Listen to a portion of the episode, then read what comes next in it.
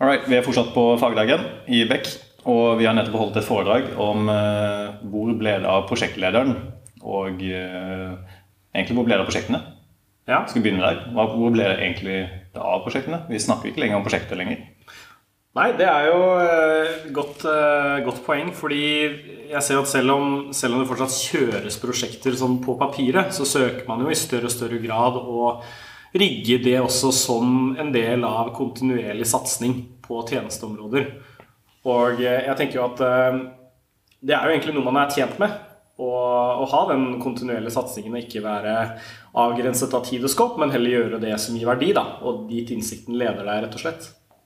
Jeg syns det er tidlig eh, Mutte, å komme rett ut og si at vi ikke snakker om prosjekter lenger. Der vil jeg jo være uenig. Oh, ja. Selv kommer jeg jo fra BMC, og eh, vi snakker jo fremdeles om prosjekter. Vi bebanner prosjekter, vi gir tilbud på prosjekter.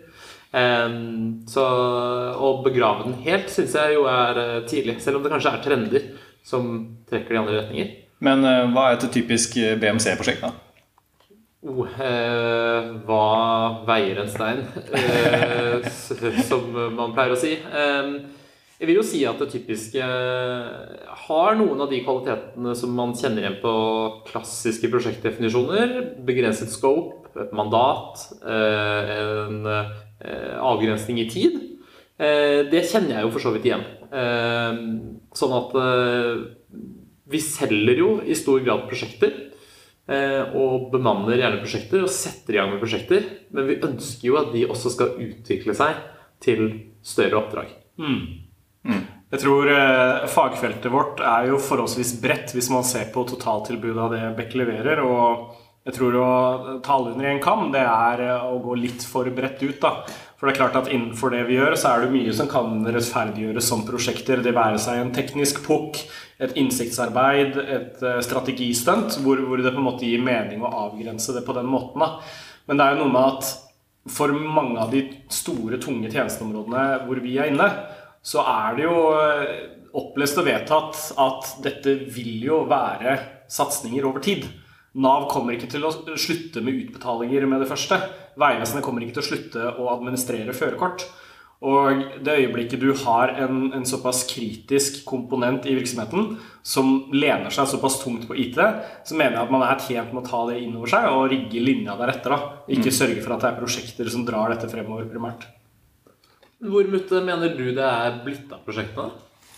Det er nettopp det som eh, Jarle måtte innlede litt med. Da, at eh, Den definisjonen av prosjektet hvor du har et eh, singular purpose og et som implisitt betyr et fixed scope som du skal løse, som også ofte implisitt betyr en fixed timeline, som også implisitt betyr et fixed ressursforbruk, måte, er på mange måter veldig bra for noen satsinger, men på mange måter ikke det samme når det kommer til eh, at IT har blitt liksom core business. Da. Fordi du, som Jarl sa, du slutter liksom ikke med førerkort i Statens vegvesen med, med det første.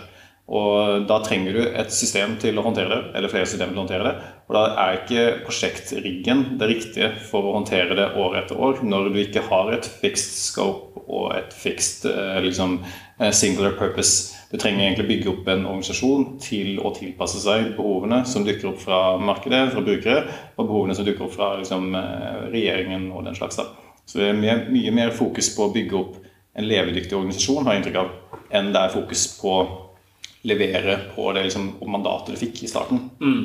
Og Dermed så trenger metodikken å tilpasse seg.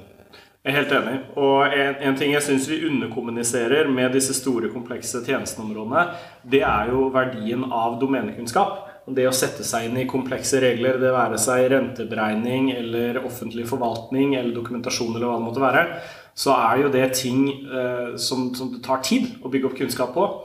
Og prosjektorganiseringen av natur er jo transient. Folk forsvinner, og da forsvinner kunnskapen.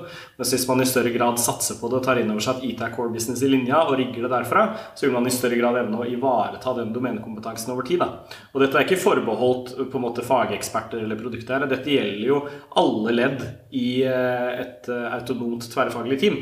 Det være seg om du er en forretningsanalytiker eller en designer eller en utvikler, er utrolig mye verdi i å kunne et domene godt. Mm.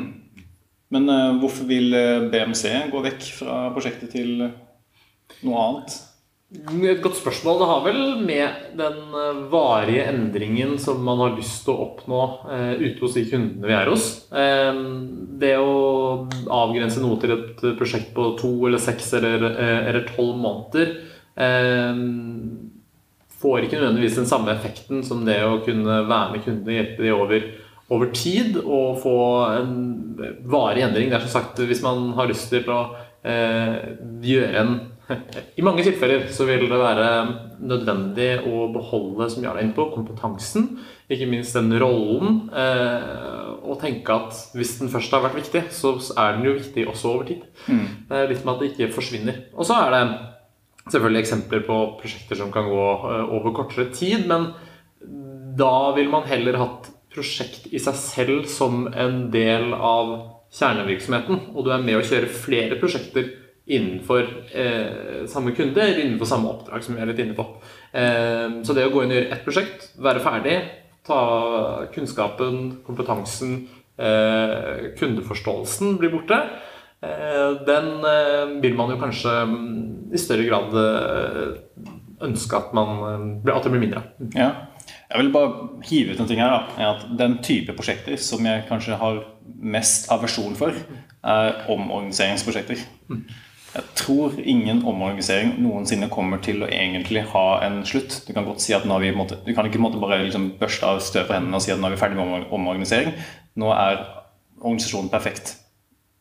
Ja, altså Du tenker at omorganisering eh, heller enn å være en definert aktivitet med start og slutt, skal være en pågående evaluering av hvordan er vi rigget på en best mulig måte? Ja, og det arbeidet man kanskje gjør i eh, en sånn oppstartsfase for å få til det, er å etablere kultur og mm. eventuelt prinsipper for hvordan man skal måte, tilpasse organisasjonen basert på de behovene som kommer fremover. Mm. Så det er en kontinuerlig innsats. Veldig bra. Hvis vi er litt enige om at prosjektet er eh, en litt døende art, hva da med I min CV står det at jeg er prosjektleder. Ja. Eh, og det skriver jeg på de eh, oppdragene jeg er inne på. Er det helt uh, ute å kjøre? Eller? Det er, vet du, det er så utrolig godt spørsmål, og dette kunne jeg sikkert snakket om en halvtime alene på inn- og utpust uten problemer. Fordi La meg starte i denne. Det er veldig mye ved prosjekter som er bra. Det er veldig mange andre bransjer hvor prosjekt, eh, prosjektorganiseringen gir mening, og det er en, en, best practice. Så det er ikke det at den inherently er en dårlig måte å gjøre ting på. Det er noe med å tilpasse den tid og sted. Og en av utfordringene innenfor produktutvikling, eller digital produktutvikling iallfall, det er jo det at den smidigpendelen har jo svingt så langt at man har liksom fått en aversjon mot alt som minner om prosjekt. Og det er jo feil. For vi sier at vi ønsker ikke å gjøre prosjekter fordi prosjekter f.eks. er begrenset i scope og i tid, og vi ønsker å ha den fleksibiliteten og la innsikten lede oss dit vi vil, og dit det gir brukerne verdi. Men det betyr ikke at alle elementer av prosjektledelse med struktur og koordinering og risikoevaluering er mangelfullt. Det er utrolig verdifulle momenter som vi må ta med oss videre. Eh, og Mutte og jeg har jo snakket med flere som er sånn frustrert over at den pendelen har svingt veldig langt. da, Hvor man kommer dit at folk er sånn Altså, Vi får jo ikke koordinert på tvers, for alle sier vi skal være autonome, og da skal ikke jeg ta hensyn til hva de andre teamet vil, for de styrer ikke over min prioritering. Og Da har du et problem når du sitter på et kjernesystem som x antall andre team er avhengig av, og du ikke ønsker å høre på dem fordi du skal være autonom. Men er det ikke da det jeg hører da, at du sier at det egentlig ikke noe i veien med prosjektet, det er heller noe i veien med et prosjektmandat? Altså For da kunne jeg argumentert, argumentert å si prosjektmandatet er for snevert, eller tidslinjen man scoper det inn i, er for snever. Hvis man hadde laget gode prosjektmandater som var problemrelatert, f.eks., og som ikke hadde nødvendigvis noen av de samme avgrensningene, så ville man løst noen av de utfordringene som du peker på der. Det kan godt hende. Og jeg skal ikke påstå at jeg på stående fot har sett noen veldig gode prosjektmandater som på en måte umiddelbart har gitt mening ut fra mitt perspektiv i, eh, innenfor digital produktutvikling. Men jeg tror du er inne på noe. Jeg tror det handler om at veldig ofte, og å ta det som en klypesal fra mitt perspektiv, så tror jeg prosjektet rigges fordi da har de som sitter med strategi og virksomhetsstyring, kontroll på kostnadene og omfanget. Så det er mer eller mindre noe man tvinger ned for å liksom holde de parameterne de er opptatt i Eh, opptatt av i sjakk. Og det er jo egentlig en veldig liten del av det å faktisk rigge et prosjekt, da, som du egentlig er inne på nå, Jonas. Men Kostnadsdelen av prosjektet, i hvert fall i vår verden og digital produktutvikling, er jo stort sett bundet til personer. Og det er jo folk. Så det er jo relativt enkelt å eh, i hvert fall estimere kostnaden hvis man har satt en ressurspool. Ja. Ja, men det, det som er problemet, er jo at eh, den klassiske triangelen har, er jo kostnad, eh, tid og uh, scope. Og det som er problemet med typiske prosjekter, er at i hvert fall prosjektdefinisjon er jo at du har singular purpose, som er scope, egentlig. Og du har et, en ramme å forholde deg til, som er kostnad. Og siden vår måte, bransje er måte, tid er lik kostnad, så blir jo tid også implisitt en ramme. Så dermed så har du egentlig ingen fleksibilitet i den triangelen i et klassisk måte, prosjektmandat. da. Og dermed så kan du egentlig ikke jobbe så veldig smidig innenfor det. Du kan kanskje få det til, men det er ikke akkurat, du har ikke mulighet til å tilpasse deg.